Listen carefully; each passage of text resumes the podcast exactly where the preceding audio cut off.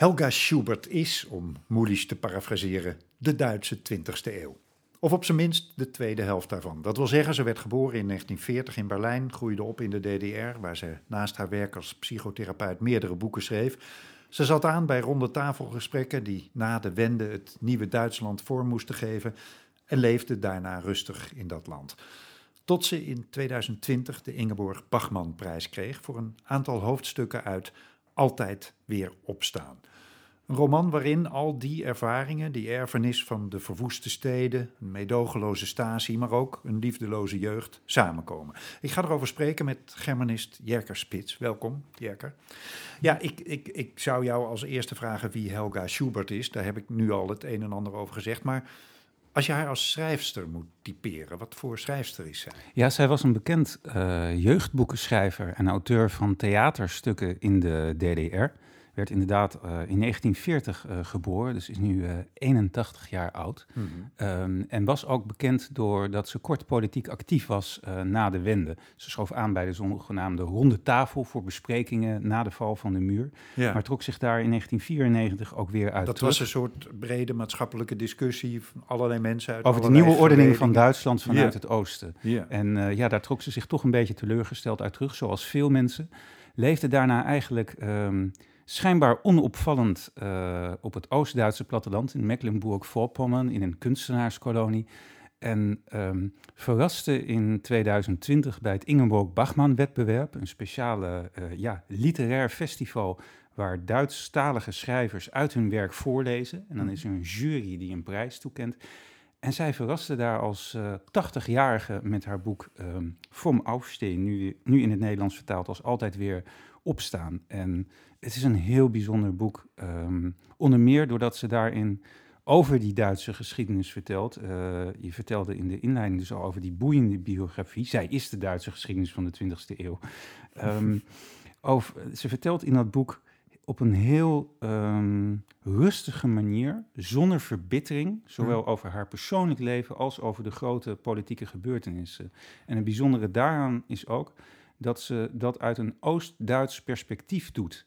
Um, je moet namelijk weten dat heel veel van de maatschappelijke en politieke en ook culturele discussie bij onze Oosterburen nog altijd West-Duits gekleurd is. Een yeah. vijfde van de Duitsers woont in het oosten, maar talkshow-presentatoren, gasten, um, de kandidaten van de Christendemocratische Partij, ja. rectoren, magnificaties van de universiteit, ze zijn allemaal West-Duits. En zij um, spreekt hier vanuit wat ook in de Duitse literaire kritiek heel erg geprezen werd, die innenansicht eines untergegangenen Staates. Dus het, binnen, het perspectief van binnen van een staat die is ondergegaan. Mm -hmm. En dat doet ze ook nog eens een keer op een prachtige manier.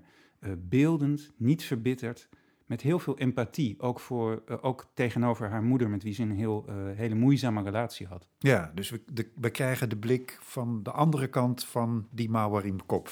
Dat klopt, ja. ja. ja. En dat maakt het boek ook heel sterk en heel boeiend. Um, omdat er natuurlijk wel aardig wat boeken zijn geschreven over liefde, vertrouwen, uh, relaties tussen kinderen en hun ouders. Maar hier gebeurt het vanuit dat Oost-Duitse perspectief. En kan je, kan je iets uitleggen over wat dat dan toevoegt? Wat dat dan toevoegt aan het beeld dat wij van, van Duitsland en van de Duitse geschiedenis van de tweede helft van de 20e ja, eeuw hebben? Om het maar tot de, tot de literatuur te, te beperken. Ja. Uh, er waren in Duitsland na de val van de muur enorm boze en verbitterde discussies over de rol van schrijvers in de DDR. Waren het nou allemaal meelopers? Hè? Als je hm. je werk kon publiceren daar. Hm liep je dan niet gewoon mee met het regime? Ja. Uh, had je daar niet weg moeten gaan als vrij kunstenaar?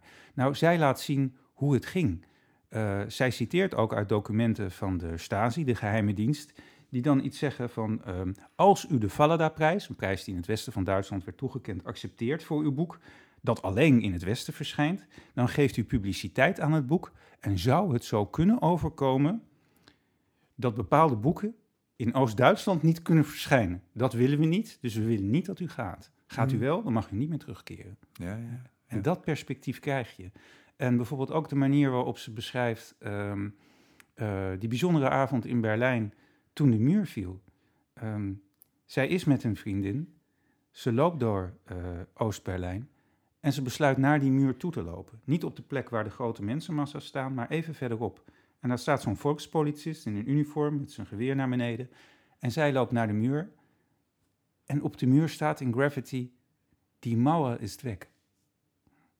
Zo eenvoudig is het. Dat, dat soort fragmenten maakt dit boek zo mooi. Ja, ja. ja.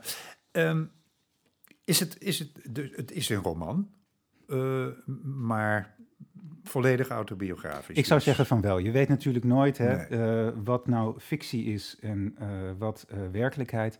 Maar zij vertelt hier over haar eigen leven. Ja. Ja. dat begin van dat leven, ze, ze is uit 1940, zei, zeiden we allebei al. en ze was dus vijf toen de oorlog afliep. Die, die, die gruwelijke bombardementen van de laatste fase van de oorlog heeft ze dus toch redelijk bewust meegemaakt. Dat is natuurlijk ook altijd het, het Duitse lijden uh, in de oorlog is ook altijd een heel belangrijk en omstreden thema geweest. Voegt haar Oost-Duitse blik daar ook nog iets aan toe? Nou ja, ze schrijft: um, Ik ben een oorlogskind, een vluchtelingenkind, een kind van de Duitse deling. Uh, en ze schrijft: uh, op 9 november 1989 was ik 50 jaar en ik had nog nooit vrije verkiezingen meegemaakt. Dus er spreekt iemand voor je die over alle uh, periodes in de Duitse geschiedenis spreekt met een grote autoriteit. Als het dan om de Tweede Wereldoorlog gaat, dan um, is haar verhaal zo geloofwaardig omdat ze beschrijft hoe, um, hoe dat haar relatie met haar moeder heeft gekleurd. Want dat is ook een belangrijk aspect van het boek. Aha. Haar moeder zegt: Ik heb een, een heldendaad verricht. Ik heb namelijk uh, geen abortus gepleegd. Dus ze zegt eigenlijk tegen haar: uh, Het is helemaal niet zo vansprekend dat je er bent. Sterker nog, ik had je liever niet gehad. Hmm.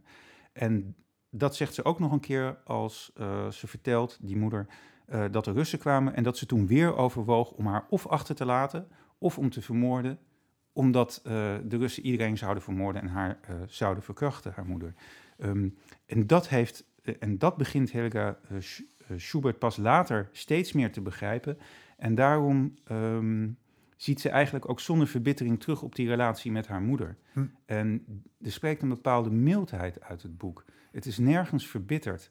En dat vind ik heel erg knap. Ik vind er heel veel um, wijsheid uitspreken. Toen ik het boek had gelezen, dacht ik, nou, je zou wel meer van dit soort boeken willen lezen met wat oudere schrijvers die, die zo mild en niet verbitterd terugblikken op het leven. Want er zijn heel veel Duitse boeken geschreven waarin zoveel controversie is, zo veel over gediscussieerd wordt over het verleden. Duitsers kunnen dit heel goed. Dit is een heel mild en empathisch boek. Ja, en wij Nederlanders kunnen nooit genoeg begrijpen van die geschiedenis van Duitsland in de vorige eeuw en ook nog uh, in onze eeuw. Dus dat daar nog een perspectief aan toegevoegd kon worden, dat lijkt me alleen al heel, heel bijzonder.